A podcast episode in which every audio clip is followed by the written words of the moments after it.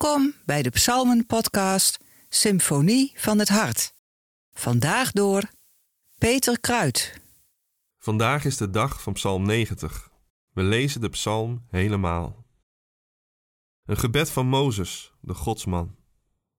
Heer, u bent ons een toevlucht geweest van geslacht op geslacht.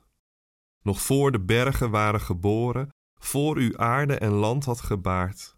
U bent, o God, van eeuwigheid tot eeuwigheid. U doet de sterveling terugkeren tot stof en zegt: Keer terug, mensenkind. Duizend jaar zijn in uw ogen als de dag van gisteren die voorbij is, niets meer dan een waken in de nacht. U vaagt ons weg als slaap, in de morgen als opschietend gras, dat ontkiemt in de morgen en opschiet, en s'avonds verwelkt en verdort. We komen om door uw toren, door uw woede bezwijken wij. U hebt onze zonde voor u geleid, onze geheimen onthuld in het licht van uw gelaat. Al onze dagen gaan heen door uw woede. Wij beëindigen onze jaren in een zucht. Zeventig jaar duren onze dagen, of tachtig als we sterk zijn. En het beste daarvan is moeite en leed. Het gaat snel voorbij en wij vliegen heen. Wie kent de kracht van uw toren? Wie vreest oprecht uw woede? Leer ons zo onze dagen te tellen, dat wijsheid ons hart vervult. Keer u tot ons, Heer. Hoe lang nog? Ontferm u over uw dienaren. Vervul ons in de morgen met uw liefde. Laat ons van blijdschap juichen al onze dagen. Geef ons vreugde, vergoed de dagen dat u ons kwelde, de jaren dat wij ellende doorstonden. Toon uw daden aan uw dienaren. Maak uw glorie bekend aan hun kinderen. Laat ons uw genade zien, Heer, onze God. Bevestig het werk van onze handen. Het werk van onze handen. Bevestig dat.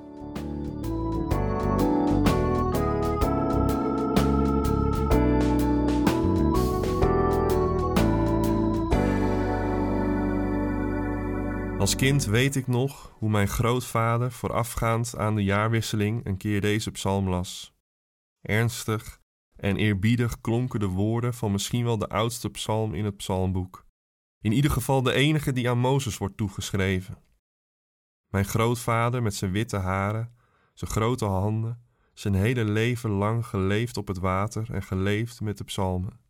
Geleefd met een God die ver verheven was boven ons mensen geleefd in een diep besef van de gevallen mensheid, maar nooit geleefd zonder de hoop dat deze hoog verheven God de mens zou overlaten aan zichzelf in dit heelal.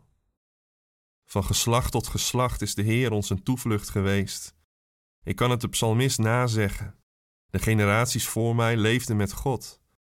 Tegelijkertijd zijn er geen garanties voor de generatie na mij. Zal het leven met God ook door de volgende generatie gedragen worden? Ik vind dat een spannende vraag. Geloven lijkt vandaag vluchtiger te zijn dan ooit.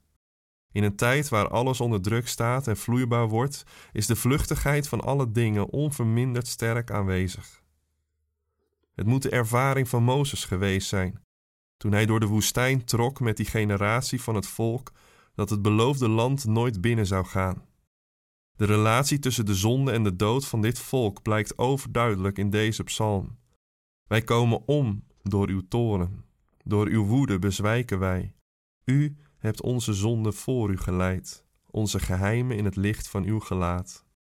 Zij leefden en trokken door de woestijn onder dit vonnis van God. Zoals ook mijn grootvader leefde in een diep besef van het menselijke tekortschieten naar God. Maar daar blijft het niet bij in deze psalm. De vluchtigheid van het leven, de toren van God over de zonde, de naderende dood zijn allemaal realiteiten die niet het laatste woord bepalen. Ze worden gekend, erkend en uitgesproken, maar daar blijft het niet. Vanaf vers 12 zien we de omslag. Leer ons zo onze dagen te tellen dat wijsheid ons hart vervult. In de situatie waarin zij zich bevinden is daar het gebed om wijsheid en het gebed om ontferming. Vervul ons in de morgen met uw liefde. Laat ons van blijdschap juichen al onze dagen. De vraag om vreugde, liefde, blijdschap en genade vanuit de erkenning dat er niets is waar we dit aan verdiend hebben, laat zien dat Mozes weet wie God is.